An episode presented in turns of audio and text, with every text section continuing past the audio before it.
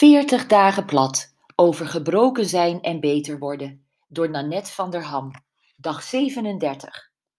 De zesde week plat was ingegaan en in alle informatie over een acetabulum, acetabulum, acetabulum, ik weet niet hoe je het uitspreekt, fractuur, mijn gebro gebroken heup komt dus, las ik dat na zes weken er een aanvang mocht worden genomen met minimaal belasten. Sander de fysio kwam vandaag en ik stond gespannen op hem te wachten achter mijn looprekje. Ik had me 36 dagen stilgehouden. Wel elke dag in bed, rustig mijn voeten, enkels, kuiten, dijen, billen, rug en bekkenbodem bewogen. Vooral mezelf morgens en avonds reiki gegeven. En was reuze benieuwd wat we zouden gaan doen. Hoe gaat het? vroeg Sander. Goed. Pak je krukken dan maar. Hij controleerde de stand en deed voor welke beweging ik moest maken. Krukken naar voren, linkerbeen naar voren en rechts bijtrekken. Het was of de hemel openging. Niet alleen voor mij, maar vooral voor mijn been.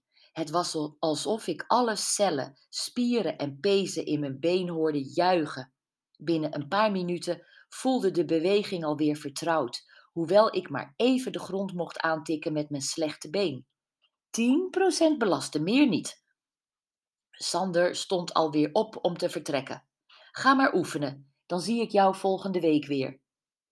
Toen hij weg was, heb ik mijn krukken in de lucht gestoken. Hoera! Wat een megastap vooruit was dit. Parmantig stapte ik de flat door. Het rondje hal, keuken, kamer, hal was precies 25 stappen. Daar kon ik er wel twee van doen. Het was gewoon zo. Er bestaat zoiets als muscle memory. Je spieren herinneren zich de kracht die ze hadden en als je ze weer gaat beoefenen, dan komt die herinnering terug. Netjes zoals Sander had gezegd, stopte ik toen ik pijn in mijn lies voelde. Het zweet stond op mijn rug en een enorme vermoeidheid overviel me.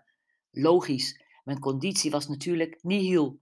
Nog even douchen en daarna mijn bed in, waar ik binnen een paar minuten als een blok in slaap viel.